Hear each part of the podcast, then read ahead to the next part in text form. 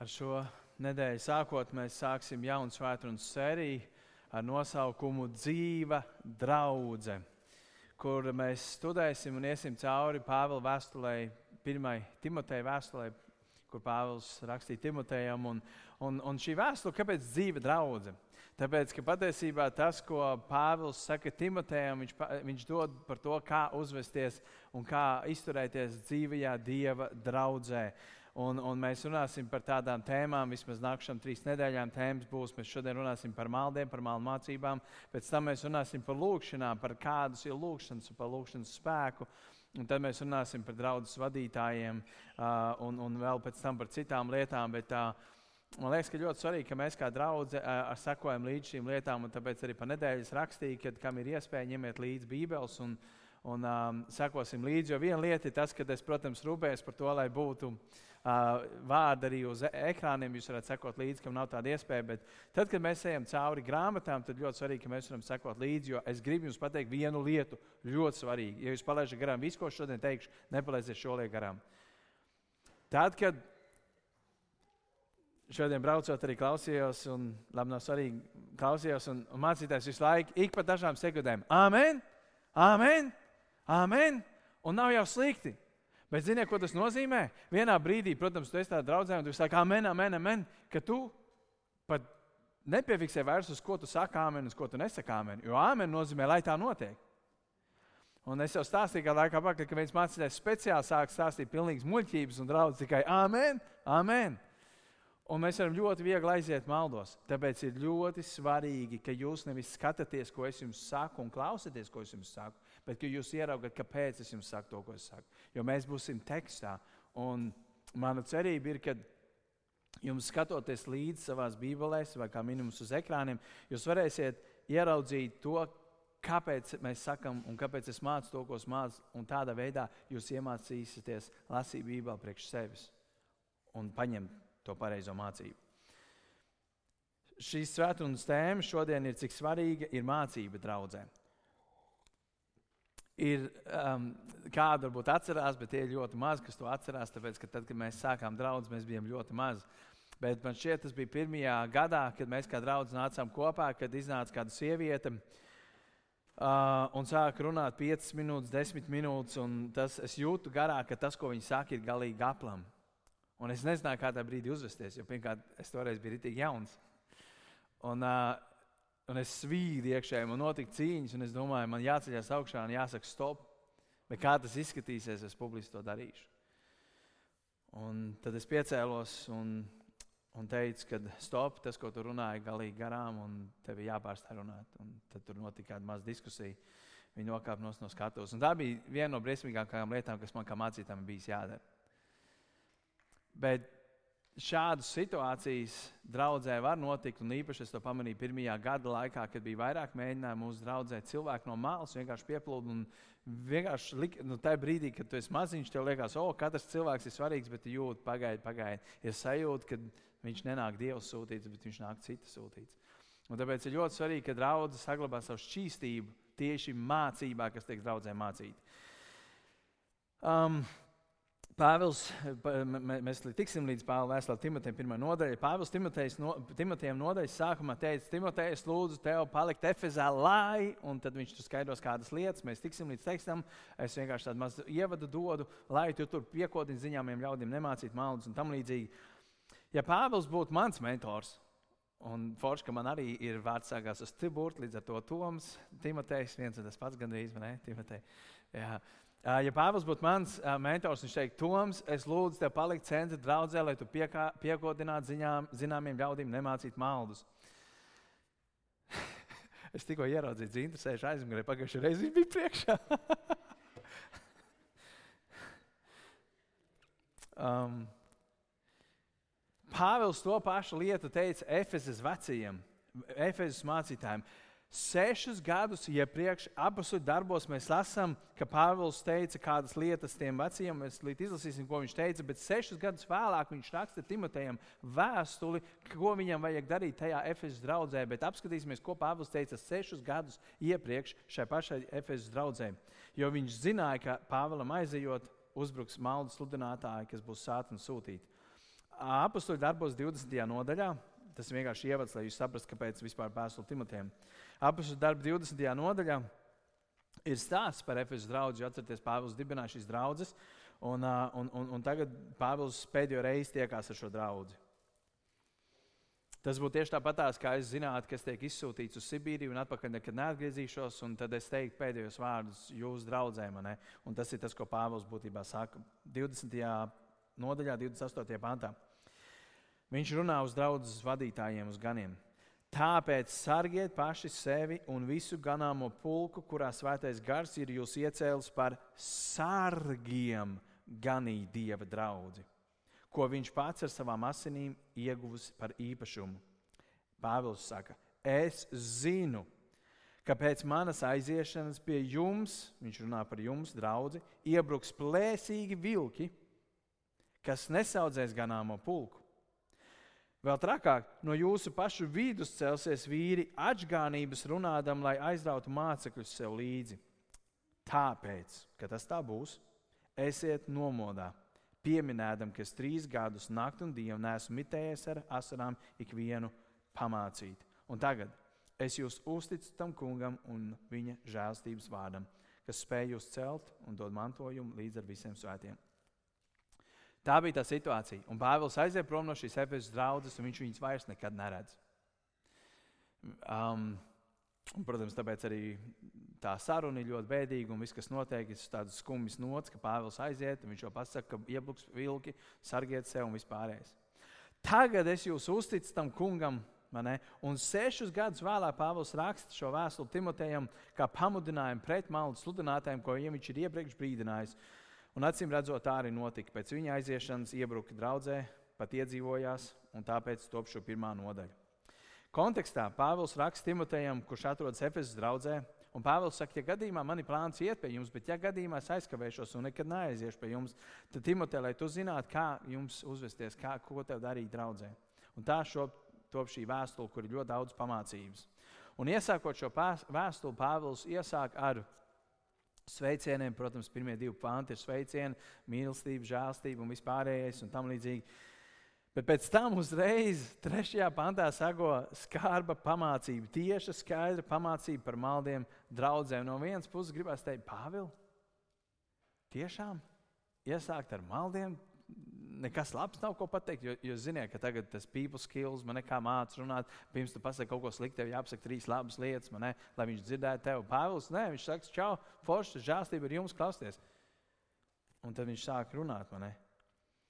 Acīm redzot, šīs maldu mācības bija nopietna problēma tajā laikā, un es zinu, ka maldu mācības ir nopietna problēma šodien, un vēl lielāka, un es paskaidrošu, kāpēc. Tāpēc, ka ja tajā laikā vienīgais, kur tu varēji būt, tu biji savā lokālajā draudzē, un vienīgais, kur tu varēji dabūt maldus, bija, ja kāds no malas ienāca un sāka mācīt maldus, vai draudzē kāds sāk celties un mācīt maldus. Šodien daudz no jums, nu es to nesaku sliktā ziņā, bet varbūt kādā gadījumā saku, Skatieties vienus, divus, trīs, piecus, varbūt pat dažādās valodās, dievkalpojumus, dažādus mācītājus, dažādus sludinātājus, un jums nav ne jausmas, ko viņi māca dažreiz. Baigi labā lieta bija. Es tur internetā uzgāju, atradu šo baigi, baigi labi izklausies. Man patika. Un nereti jau nav jau tā, ka, ja cilvēks māca maldus, ka pilnīgi viss, ko viņš saka, ir maldi. Ļoti iespējams, 80, 90% jau ir normāli. Bet tie 5%, tie 10%. Un tad, kad tu klausies YouTube, Facebook, tur izlaiž ārā visādi mācītāji, visādi skolotāji, kas, kas, kas uzdodas pa vienīgiem, pareiziem, un mēs klausāmies, un no vienas puses vienmēr jau bieži vien tā, oh, baigi, labi, patīk. Bet mēs nezinām, kādu mācību viņi sev nes līdzi. Mums jābūt ļoti uzmanīgiem. Podkāsti, blogi, blogi, Instagram un vispārējais. Ļoti uzmanīgiem jābūt, ko mēs klausāmies. Ļoti uzmanīgiem. Es pat esmu mūsu draudzē, pat ir cilvēki, kas ir aizgājuši projām no mūsu draudzes, pateicoties CNN vai YouTube vai vienalga kādiem kanāliem, kur cilvēki sākuši klausīties citu mācību, kas netiek mācīta šeit, kas ir bijusi ausī tīkamāk, un viņi ir aizgājuši projām no draudzes. Un nereti tas ir saistīts ar harizmātiskām kustībām vai labklājības evaņģēlī, kas nāk līdzi. Uz ekrāna būs tāda karikatūra, un man viņa ļoti patika. Es pa nedēļu viņu redzēju, un es viņu pēc tam meklēju, un pa laimi man izdevās atrast. Mēs redzam, ir divi cilvēki, kas atrodas rindā.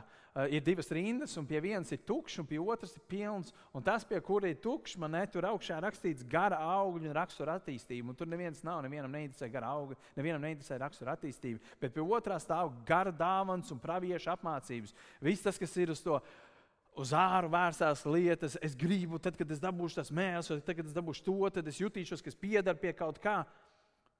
Un mēs esam drīzāk gatavi ārēji izskatīties tā kā visi, bet mēs negribam to, kas ir pats svarīgākais. Un tāpēc ir tā, ka patiesība daudzi nevēlas dzirdēt. Un tāpēc otrajā vēstulē, Timotejam, 4. nodaļā, uh, viņš turpina, ne, viņš ļoti daudz runā par mācībām. 3. un 4. pantā viņš saka, 2. Timotejam, 4. nodaļā jo nāks laiks, kad viņi nepanesīs veselīgo mācību, bet uzkraus sev mācītājs pēc pašu iegribām, kā nu ausis niez, un novērsīs ausis no patiesības, bet piegriezīsies pasakām. Tas ir tas, kas tiek runāts, kas notiks. Nāks laiks, kad nepanesīs vairs veselīgo mācību. Nepatiks. Tāpēc, ka veselīga mācība viņa izaicina. Viņi liek paskatīties spogulī, viņi liek nožēlot grēkus, viņi liek atgriezties no kādām lietām. Bet tā mācība, kas ir ausī patīkama, man patīk, man patīk pēdiņās, patīk.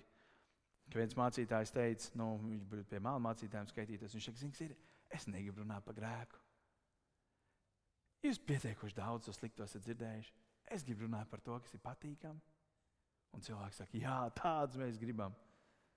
Bet mums ir jāatzīst patiesība par sevi. Un tad, kad mēs lasām Bībeli, tur ir ļoti daudz patiesības. Tāpēc pirmā lieta, ko mēs skatīsimies, ir, ka maldu mācībām ir jāstājas pretī. Viņām ir jāstājas pretī. Tāpēc tagad mēs varam pieiet pie 1. Timoteja vēstules pirmās nodaļas un sāksim lasīt no 3. panta uh, un uz priekšu. Trešajā pāntā rakstīts, jau tātad Pāvils runā, ja vietams uz Maķedoniju esmu lūdzis ja mudinājis tevi palikt Efezā, lai tu piekotinātu zināmiem ļaudīm, nemācīt svešas mācības. Apstāsimies šeit. Es gribu uzsvērt uzmanību šeit, kur tas vārds nemācīt. Tad, tad skaidrs, ka viņš ir vārds mācīt tikai ar nolīgumu formā, nemācīt, mācīt. Mācīšanas mērķis šajā vārdā, kad viņš tiek no grieķu valodas skatīts, tas mācīšanas mērķis ir, lai celtu draugu ticībā. Mācīša, mācīšanas mērķis ir, lai ticīgais tiktu celts ticībā. Tas tā vienkārši ir. Tas ir tas, kāpēc mēs nākam kopā, lai tiktu celts ticībā. Lai jūs aizjūtat mājās, varētu pateikt, es tiku celts ticībā. Tādam jābūt mācīšanas mērķim. Un šeit ir rakstīts, lai tu piekodini zināmiem ļaudīm nemācīt svešas mācības. Es vienkārši paskaidroju to, tāpēc, ka to būs svarīgi saprast pēc maz brīdiņa. 4. pāntā rakstīts, nedz nodoties bezgalīgām pasakām. Patiesībā tur ir grieķu vārds mitos, no kā nāk mīts, mīti, daudzskaitlī, kas norāda uz vairākām mācībām, iepratīm, evaņģēliem, kas vienmēr ir vienskaitlīgi mītiem, nedz nodoties bezglīgām pasakām un cilts rakstiem, kas vairāk ierosina prātošanu nekā kopi dievu draugu ticībā. Tad šeit atkal parādās tas, ka mācīšanas mērķim būtu jābūt tādam, kas kopi dieva draugu ticībā, kas ceļ dieva draugu ticībā. Patiesībā tur, kur tas vārds kopi, burtiskais tulkojums ir pārvaldīšana. Liekas, kāds tam sakars, bet pārvaldīt, ne, celt dievu draugu ticībā. Tas ir tas mērķis. Tad šeit mēs redzam pāris lietas. Tad vispirms tas attiecās uz mācītājiem un uz katru, kurš kaut ko draudzē māca. Vai tu būtu, kas māca Bībeles studiju, vai dievkalpojumu, vai mājas grupu, vai vienkārši sarunā ar kādu, ka tu tiecies divatā, vai mācekļu kurs, ka tu māci. Tas ir jāpiefiksē katram. Vai tas, ko tu māci, vairāk rosina filozofiju, pasakas, cilsrakstus, abstraktas lietas, jeb tomēr tas ceļš pamāca, pamudina to cilvēku ticībā. Tas ir pirmais, kas ir jāpaskatās.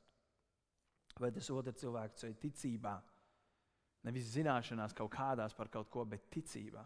Un otrā lieta, tas attiecas uz jebkuru draugu locekli. Jo bieži vien, ja mēs skatāmies uz Timoteja vēstuli, mēs varētu teikt, viņa ir diezgan pastorāla. Timoteja vēstule ir tā, kas tiek sludināta visos mācītāju semināros. Tāpēc, kad viņš, tā kā vecākais mācītājs, pamāca jauno mācītāju, uzvesties, bet tas ir priekš katra viena no mums. Tad, kad tev ir saruna, nereti, piemēram, mums beigsies dievkalpojums, kā vienmēr pēc dievkalpojuma mēs aicināsim jūs palikt sadraudzībā pie tējas un kafijas un uzkodām. Un tad notiek ļoti daudz sarunas. Un par visu kaut kādām tēmām tiek runāts. Un pieņemsim, ka tiek runāts par kādām garīgām tēmām. Vai tas, ko tu runā, vai tas ceļ otru cilvēku ticību, vai tas grauj otru cilvēku ticību, vai tas ceļ otrās šaubas, vai stiprina ticību. Tas ir atkarīgs no tevis, ko tu māci. Kas iziet no tavas mutes, vai iziet māli, vai tur iziet patiesība. Tas ir jāskatās uz katru vienu. Un nereti tas, kas notiek, kad mēs sarunājamies, tās ir bezgalīgas pasakas, mīti, filozofija, spekulācijas. Tur tas vārds tiks lietots arī. Bet mums ir jāceļ vienam otras ticībā. Neredzot, sarunās var dzirdēt, o, es skatījos YouTube vienu, tur baigi labais bija tas un tas, un čing, čing mēs nosūdām tam līdzīgi. Un tāpēc es gribu darīt mūs visus uzmanīgi. Īpaši pandēmijas laikā. Mēs visi sēdējam pie datoriem. Un es esmu, protams, priecīgs, tāpēc, ka ir daži cilvēki, kas ir sākuši nākt arī mūsu draugiem, pateicoties tam, ka viņi ir skatījušies, un, un daudz, kas ir ārzemēs, viņi var skatīties. Un, protams, tas viss ir labi. Bet esiet ļoti uzmanīgi, ar ko tu dalies ar citu draugu locekli. WhatsApp, Facebookā, Messengerī, ka jūs sūtat viens otram kaut kādas svētdienas, kaut kādas uzrunas. Esiet ļoti uzmanīgi, ko jūs sūtat.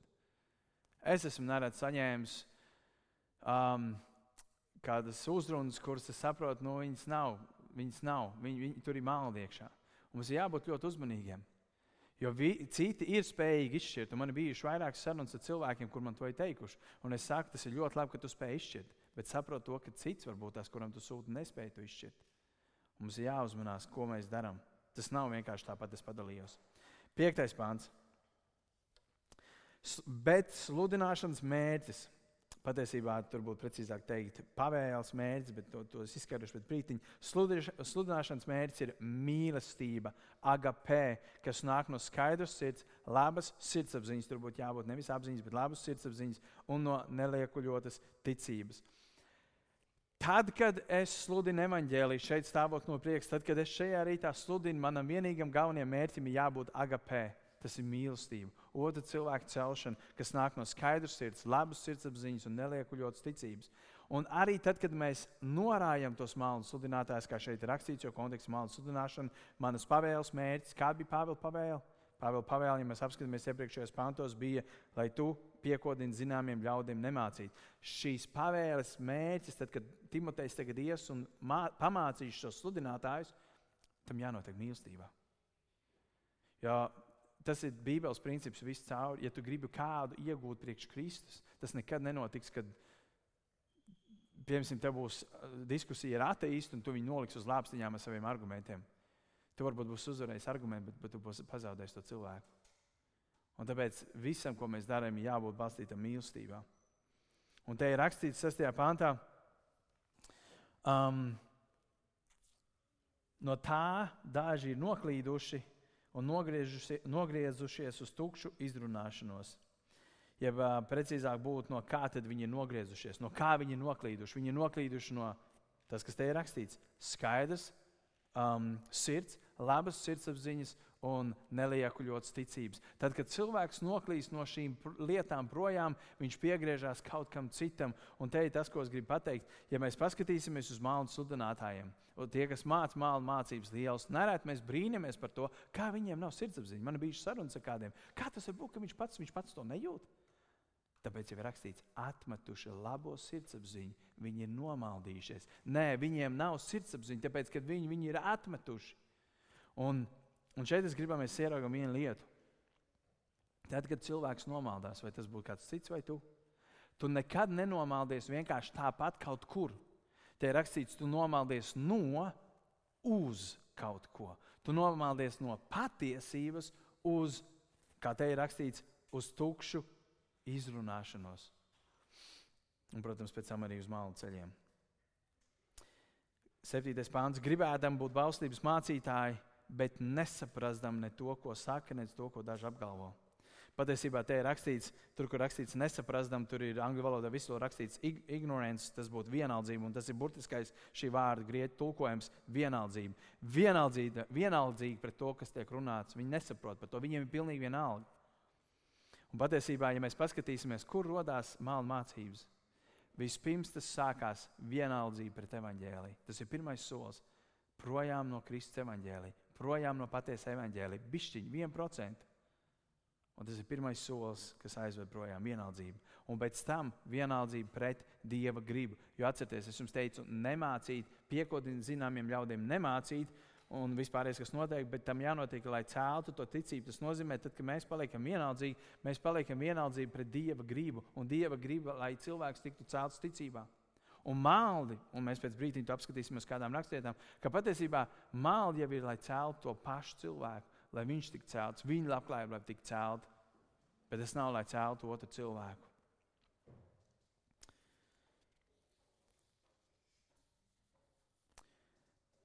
Tātad mānu mācības draudzēs ir.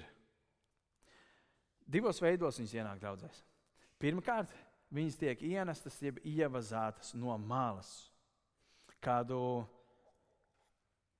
pusgadu atpakaļ mūsu draudzē ienāca kāds vīrietis gados.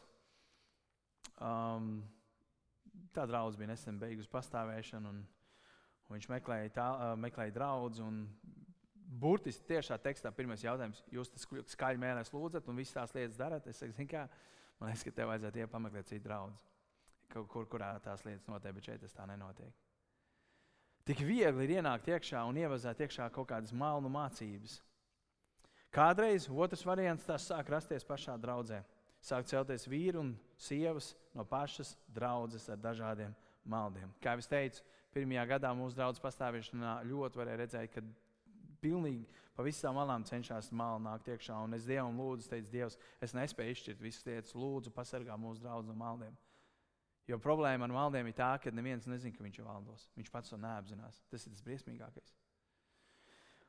Izlasīsim abus darbus, ko jau mēs lasījām, ko Pāvils teica. Man, Tur ir divas lietas, 20. nodaļa, 29. pāns. Es zinu, ka pēc manas aiziešanas pie jums iebruks. Redziet, pie jums iebruks. Jūs šeit būsiet, un pēkšņi pie jums iebruks plēsīgi vilki, un ne jau burtiski vilki, bet maldus mācītāji, kas būs kā vilki, kas nesaudzēs ganāmo pulku. Tātad 29. pāntā mēs redzam, ka iebruks no malas. Bet 30. pāntā mēs redzam, no jūsu pašu vidus celsies vīri. Redziet, no jūsu pašu vidus tas nozīmē to, ka katrā draudzē ir potenciāls, lai cik stulbi tas neskanētu, celties mālu mācītājiem. Runa jau neiet par to, ka piecelsies vīrietis, uzlieks skolāru klēku un teiks, es būšu jūsu mācītājs, viņš tagad sāks mācīt. Tā tas nenotiek. Tas parasti notiek kaut kur sarunās viens par vienu. Pēc tam tiek apvērta grupiņa līdzi. Un pēc tam jau viņš sāk vadīt kaut kādu grupiņu, un tad jau viņi sāk tikties kaut kur atsevišķi. Un tad tas sāk iet plašumā, plašumā, plašumā. No jūsu pašu vidus celsies vīri. Otrā pētera vēstule, otrā nodaļa. Apstīsimies vēl, ko Bībelē runā. Otrā pētera vēstule, otrā nodaļa, pirmie divi panti. Ļoti svarīgi saprast, kas notiek, jeb kā darbojas viltus mācītājiem. Un atkal, mācītāji, tie nav tādi mācītāji. Tas vienkārši vārds. Bet ir arī bijuši tautā viltus pravieši, kā arī jūsu starpā būs viltus mācītāji. Būs viltus mācītāji. Un ko viņi darīs? Kā viņi ienesīs šīs mācības? Kas paslepeni ienesīs aplamas posta mācības. Tas nebūs tā, ka tas būs tik redzami. Ja tas būtu tik redzami, tad būtu ļoti viegli ieraudzīt, ienāk iekšā un viens sāk kaut ko pavisam citu mācīt. Nu, tur, tur būtu ļoti viegli stāties pretī. Es varētu pateikt, vienkārši klausīties, nu, tā mēs nedarām, un tu vari iet atrast kādu citu draugu. Bet te ir rakstīts, paslepeni ienesīs aplamācības. Tā, ka ne es zināšu, ne citi vadītāji zinās, tas notiks kaut kur pakluso. Un kādas mācības? Posta mācības. Po, vārds posts nozīmē pilnīgs posts, kad tiek iznīcināts. Un te ir rakstīts, cik trakas tās mācības būs noliekdami pat to kungu. Tas parāda to, ka tā mānu mācība būs dažreiz tik spēcīga, ja tik tālu prom no patiesības, ka viņi teiks, nē, nu, Jēzus jau nav vienīgais ceļš, patiesība un dzīvība. Jo noliekdam pat to kungu. Runa neiet par to, ka kāds tur teiks, zini, tur vajag dot 5%, 10%, vai tur vēl var tādas lietas darīt. Nevar darīt. Par to neiet runa. Runa iet par nopietnām lietām, ka tiks nozagta pat ticība, evaņģēlīja būtība, būtība varētu teikt. Noliekam par to kungu, kas viņus ir atpircis, un tā sagatavos sev drīzu pazušanu. Un otrais pāns, kas ir nožēlojami. Daudzi sekos viņu baudu dzīvei. Ziniet, nebūtu jau nekas traks, ja tikai bišķiņi sekot. Nu, daži cilvēki, nu labi, nu, nu nekas, bet te rakstīts, daudzi sekos. Un kāpēc viņi sekos mācībām, kāpēc viņas ir tik pievilcīgas? Te, un atbildi tajā - viņu baudu dzīve. Tāpēc, ka tās mācības, kas tiek mācītas, kas nāk iekšā kā māli, viņas tiek pasniegtas, ka viņi ir labāki nekā tava kristietība. Pāvils teica man, ne, kas grib svētīgi dzīvot, dzīvot, arī tiks vajāti. Un kurš grib vajāšanas? Neviens negrib vajāšanas. Un tad sāk nākt iekšā māla mācības, bet tev nevajag vajāšanas. Tu vari dzīvot labklājībā, tu vari dzīvot labu dzīvi. Un tas ir tas, uz ko balstās lielākā daļa mācības, māla mācības. Uz labklājību. Un cilvēks saka, simtīt, man patīk, es gribu tā. Un tur sāk veidoties mantas kārta, tur sāk veidoties seksuāli grēki, tur sāk veidoties cita veida kārības. Un tad noteikti tas, kas ir rakstīts man, Jākabam, ka katru kāriņu viņa paša kārdināšana. Un pēc tam dzemdēt man, viņa dzemdē nāvu. Tāpēc mums jābūt ļoti uzmanīgiem. Pirmkārt, lai tu nebūtu tas, kurš tiek pievilcis, un otrkārt, lai tu nebūtu tas, kurš pieviļ citus. Un kā mēs to varam darīt? Mēs, pirmā Timoteja vēstule, 4. nodaļa, mēs paskatīsim bišķi uz priekšu, manē, uz 4. nodaļu, 1. Timoteja 4. Pāvils Timotejam saka, pā, Timotej, kamēr es vēl neesmu atnācis, tiekāms es nāku, kas tev jādara? Nododies lasīšanai, paskubināšanai un mācīšanai. Nododies. Tas nav tā, nu, minūte no rīta izlasīt Bībeles pantiņu no rīta, un tad jau viss būs ok. Nu, viena sāla vakarā pirms gulētiešanas būs ok. Nē, nododies lasīšanai. Mēs esam gatavi nodoties jebkam citam, tikai ne lasīšanai, paskubināšanai, mācīšanai. Un tad nav jābrīnās, kad māla mācības iet plašumā. Ejam tālāk, 1. Timoteja vēstule, 1. nodaļa. Izlasīsim tagad no 8. līdz 11. pantam. Bet mēs zinām, ka ka bauslība ir labi, ja to lieto pareizi. Un es varbūt tās nedaudz paskaidrošu to, ka, ja mēs lasījām Bībeli, man pašam, kad es gatavojos, man likās, kāpēc viņš sāk runāt par bauslību. Tagad viņš runā par maldiem, viņš pēkšņi sāk runāt par bauslību, bet es sapratu, tur ir jābūt kaut kādai saistībai, jo arī 8. pāns iesākas ar vārdu bet, tad viņš atsaucās uz kaut ko jau tikko teikto. Mēs zinām, ka bauslība ir labi, ja to lieto pareizi. 9. pāns atzīstot, ja varētu teikt, un to zinot, ka bauslība nav dota taisnam, bet netaisniem, nepaklausīgiem, bezdievīgiem, grēciniekiem, negantiem, nesvētiem, tēvu mātes apkavām, cilvēku kāvējiem, netikļiem. Tālāk ir rakstīts vīri piegulētājiem, bet tur ir ordināli vārds, kas burtiski varētu tulkoties vislabāk kā homoseksuāļiem. Cilvēku pārdevējiem, melkuļiem, zvērsta lauzējiem, un ja kas vien vēl ir pretim veselīgai mācībai pēc svētā dieva godības evaņģēlī, kas man uzticēts. Mēs ieraugam to, ka Pāvils mēģina šeit paskaidrot, ka bauslība ir laba. Bauslība ir laba pie nosacījuma, ja to lieto pareizi. Tas parāda to, ka tas nozīmē, ka daudzi bauslību lieto nepareizi. Pāvils mēģina pateikt, bauslība jau nav dota priekš taisniem, priekš tiem pareiziem. Bauslība ir dota priekš, un viņš uzskaita veselu sarakstu grēciniekiem. Un tas parāda to, ka, ja tu identificē sevi un tu vēl neesi saņēmis grēku piedošanu, tu identificē sev pie kādas no šīm grēcinieku grupām, tad tai vietā, lai tu kristu panikā un teiktu, es esmu pazudis, tu vari saprast to, ka patiesībā Dievs tev grib dot žēlstību. Tāpēc jau bauslība ir dota. Un tad, kad viņš paskaidro, jo ļoti iespējams šie maldas sludinātāji bauslības mācību pilnībā sagrieza kājām gaisā. Un Pāvēlam bija jāpaskaidro, ka bauslībā pašā nav nekas nepilnīgs. Bauslībai viss ir kārtībā. Un tad Pāvils aiziet vēl soli tālāk, jo viņš pašā beigās atgriezīsies pie māla mācībām. Tagad no 12. pānta sākot, viņš iedos savu atgriešanās liecību. Liekas, kāpēc? Un es to paskaidrošu. Viņš saka, 12. pāntā, es esmu pateicīgs tam, un šeit parādīsies trīs darbību vārdi, kas man ir darījis spēcīgi Kristum Jēzum, kas man ir atzīts par uzticamu un kas man ir iecēlis kalpošanai. Trīs darbības vārdi, kurš man ir darījis, kurš man ir atzīts un kurš mani ir iecēlis.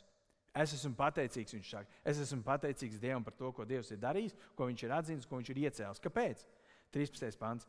Jo kaut gan iepriekš, viņš runā par savu veco dzīvi, pirms viņš vēl Jēzu nepazina, kaut gan iepriekš es biju zaimotājs, vajātājs un varmāka, Tomēr es esmu apžēlots, jo es nezinādams, atkal tas vārds nezinādams, visprecīzākais tulkojums būtu vienaldzība, jo es vienaldzībā esmu to darījis neticībā.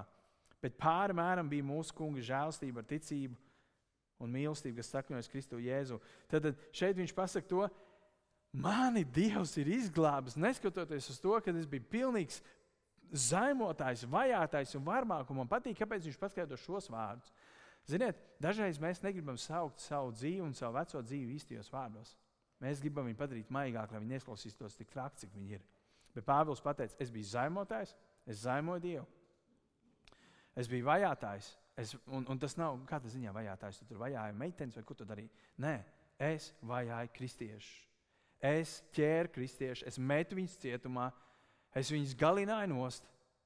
Es biju vajātājs un es biju varmāk vienkārši briesmīgas lietas darīja. Tas bija. Un viņš nekaunās no tā. Viņš saka, jo pāri mēram bija mūsu žēlastība. Un skatieties, 15. pāns, tas ir patiesa un pilnā mērā atzīstams vārds, ka Jēzus Kristus ir nācis pasaulē grābt grēcinieks. Un es esmu pirmais viņa starpā. Es biju pilnīgi pazudis. Es biju varmākais zaimotājs un vajātājs, un es biju pilnīgā pazušanā, bet es esmu apžēlots, tāpēc ka Jēzus Kristus ir nācis pasaulē, lai glābtu grēcinieks. Viņš atgriežas atpakaļ uz to bauslību. Viņš parāda, visi tie grēcinieki, kas tur ir, es biju tas. Es biju vislielākais no tiem. Es domāju, ka es kalpoju Dievam, bet es biju pazudis. 16. pāns. Un te ir ļoti svarīgi, kāpēc Pāvils pasakā savu liecību. Bet tāpēc es esmu atradis apžēlošanu. Kāpēc Pāvils ir atradzis apžēlošanu? Kāpēc Pāvils piedzīvoja tādu žēlstību? Kāpēc? Kas ir tas iemesls? Lai īpaši manī, Pāvilā, Jēzus Kristus parādītu savu lēmprātību, pacietību, žēlastību par priekšzīmi tiem, kas turpmāk paļaudamies uz viņu, iegūs mūžīgo dzīvību.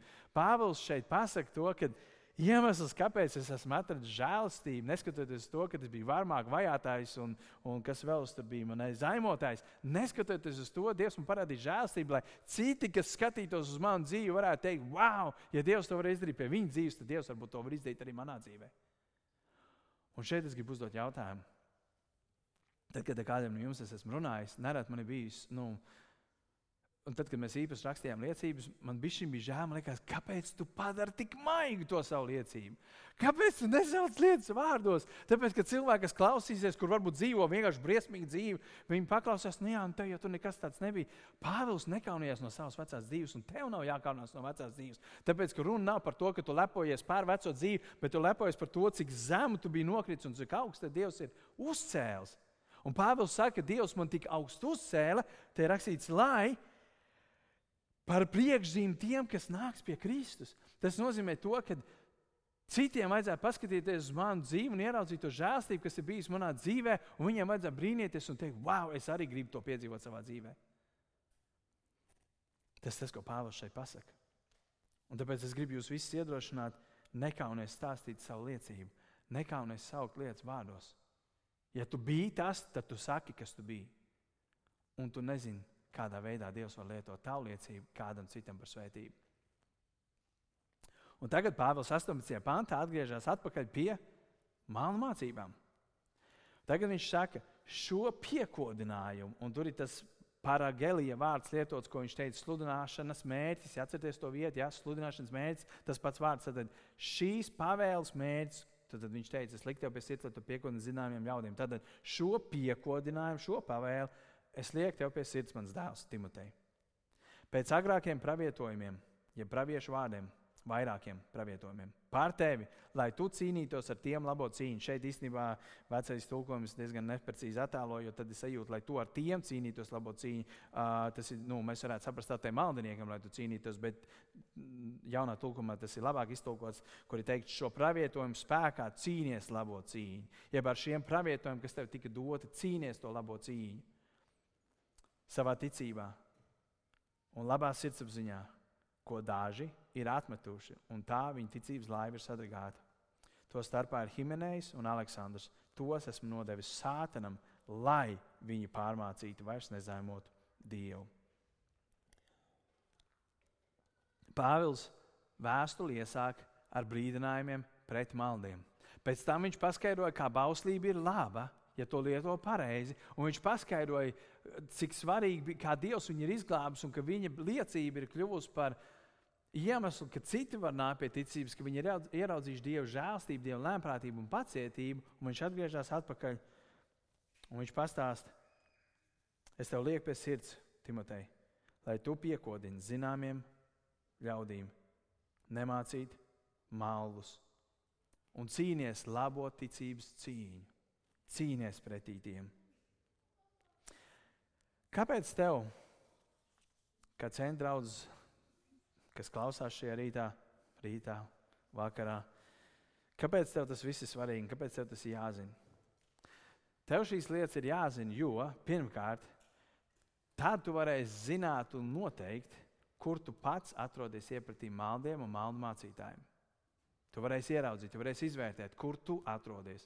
Un otrkārt, tu spēsi identificēt mālu mācības, tad, kad tu klausīsies mani, jebkuru citu mācītāju, YouTube, Facebook, klātienē, jebkur citur, kur tu ko klausīsies, lasīs grāmatas, it īpaši kristīgās grāmatas. Tad, kad tu lasīsi, tu spēsi atpazīt, te kaut kas neiet kopā ar to, ko es lasu savā Bībelē. Tāpēc tev ir ļoti svarīgi mācīt, identificēt. Tad jautājums, kas mums ir jādara? Mēs aizējām atpakaļ pie tā, ko Pāvils teica Timotejam. Jānododas lasīšanai. Ja mēs lasām bišķiņu, un ja mēs nestudējam, mums būs ļoti viegli piemānīt. Ļoti viegli mākslinieks ieskalot, jo mūsu ausīm tas būs patīkami, liksies loģiski, būs pievilkts klāt pāns no ārpus konteksta, bet viņš būs pievilkts klāt un liksies, jā, tiešām viņš arī rakstīt pateicis, bet tas nekas, ka tur ir cita nozīme. Un tu tiks piemānīts. Un es gribu, Bībelē viens ļoti labs piemērs atstāts, kā katram ikvienam no jums ir jāizturās, tad, kad mēs dzirdam, ka Dieva vārds tiek mācīts, mani ieskaitot. Apustu darbu 17. nodaļa. Uh, Pāvils runā par ar, uz kādiem cilvēkiem 11. pantā kā jūs zināt, Pāvils ceļoja apkārt pa daudzām vietām. Viņš sludināja evaņģēlīju, un daudz ko viņš dabūja pa muti, viņš daudz ko viņš tika sists, un viņš netika pieņemts. Ir darbs 17. nodaļā, 11. bandā mēs lasām, bet berojieši bija labvēlīgāki nekā Tesalonikas jūdi, kas viņu tur klapēja un sit un vajāja.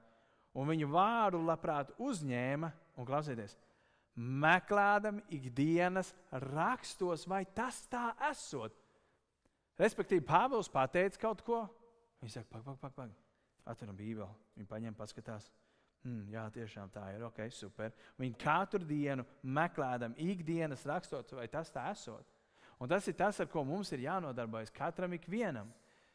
Ka mēs meklējam rakstos, vai tas, kas tiek mācīts, tas tiešām tā patiesībā arī ir. Un tev ir jārūpējas. Otrakārt, tev ir jārūpējas par to, kas ir rakstīts 19. pantā. Cīnīties savā cīnīties labo cīņu savā ticībā un labā sirdsapziņā, ko daži ir atmetuši. Ja tu stāvēsi ticībā un labā sirdsapziņā, kas nāk vienīgi no patiesā evaņģēlīja, ticību un patieso sirdsapziņu, labo sirdsapziņu mēs varam iegūt tad, kad mēs esam rakstos, tad, kad mēs esam patiesajā evaņģēlīja, patiesajā mācībā. Tad mēs varam palikt tajā. Bet pretējā gadījumā notiek tas, ko mēs lasījām 19. un 20. pāntā ticību un labo sirdsapziņu, ko daži ir atmetuši, un tā atmestami viņu ticības laiva ir sadragāta. To starpā Himenejs un Aleksandrs tos esmu nodevis sātanam, lai viņi pārmācītu vairs nezaimot Dievu. Jautājums, ko šie daži atmeta? Ticību un labo sirdsapziņu, kā rezultātā viņu ticības laiva tika sadragāta. Jeb kā mēs Pētera vēsturē lasījām, šīs aplamās posta mācības sadragāja. Tāpēc galvenā doma, ko es vēlos, lai mēs katrs šajā dienā satveram, ir, ka aplama mācība aizved līdz sadragātai ticībai, bet veselīga mācība līdz auglīgai kalpošanai. Un kā es to domāju? Kāpēc auglīgai kalpošanai un kāpēc līdz sadragātai ticībai? Mēs redzam, ka maldu mācība aizveda. Himenejs un Aleksandrs vienmēr nebija maldu mācītāji. Tad, kad viņi atveda ticību, neliekuļoto ticību un labo sirdsapziņu, tad viņa ticības laiva tiks sadragāta un viņa iegāja iekšā maldos. Kur pretējā gadījumā, kad mēs lasām, bet veselīgā mācība novada līdz auglīgai kalpošanai, tad, kad mēs paskatāmies uz Pāvila dzīvi un uz Timoteja dzīvi, mēs ieraugām to, ka Pāvils palika veselīgajā mācībā, viņš palika pie evaņģēlīja un viņa kalpošana. Mēs šodien studējam to, ko Pāvils studinājis. Mēs šodien mācāmies to, ko viņš ir mācījis Timotejam. Mēs varam mācīties no šīm lietām, un tas noved līdz auglīgai kalpošanai.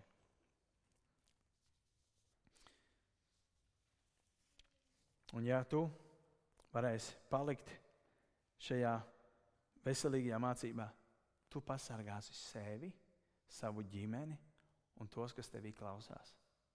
Kur pretī, ja tu aizies maldos, tu sadegāsi savu ticību, ļoti iespējams savu tuvinieku ticību un to, kas tevī klausās. Ir ļoti daudz, kas likts. Jā, daudz kas ir likts uz maniem pleciem, kā mācītājiem, kur ir rakstīts, ka mēs atbildēsim par, par to, kā mēs esam mācījuši un runājuši vārdu. Un tas ir biedējoši patiesībā. Jo es apzinos, ka es arī neizprotu visas lietas. Bet tas attiecās uz visiem no mums. Tu pasargāsi savu ticību, tu iemantos mūžīgo dzīvību, tu netiks beigās atmests, bet tu pasargāsi savu ticību no sadragātas laivas, kā ir teikts, un briesmīgi, ka draudzēji. Kā Pāvils teica, es esmu nodevis viņu sātanam. Viņš vienkārši ieklausās vārdos. Ja kāds neticīgs cilvēks klausās, viņš domā, ko te baznīcā vienkārši dara. Cilvēks nodod sātanam. Uh, lai mēs nodotu viņus sātanam, lai viņi pārmācītu vairs nezaimotu Dievu. Mālu mācība ir vienādības zīme Dieva zaimošanai. Un tas ir briesmīgi. Tas ir ļoti, ļoti nopietni. Un tad, kad Pēters runā par mālu mācītājiem otrajā nodaļā, pašā beigās viņš viņiem teica tādus vārdus: viņiem labāk būtu bijis, ka viņi nekad nebūtu nākuši pie atziņas un pie patiesības, nekā nākdam pie patiesības, atmetuši patiesību un piegriezušies maldiem. Un viņiem ir noticis pēc sakām vārdu. Cūka mazgājusies atkal vārtās dubļos, un suns ēd atkal savus vēmekļus. Tie ir skarbi vārdi. Tur ir rakstīts, viņiem labāk nebūtu bijis nākt pie atziņas, nekā atnākt pie atziņas un pamest patieso ticību. Līdz ar to, ko es gribēju šajā rītā paņemt pret sevis, priekš sevis, ir, kā aplam mācība aizved līdz sadragātai ticībai, bet veselīga mācība līdz auglīgai kalpošanai. Lūksim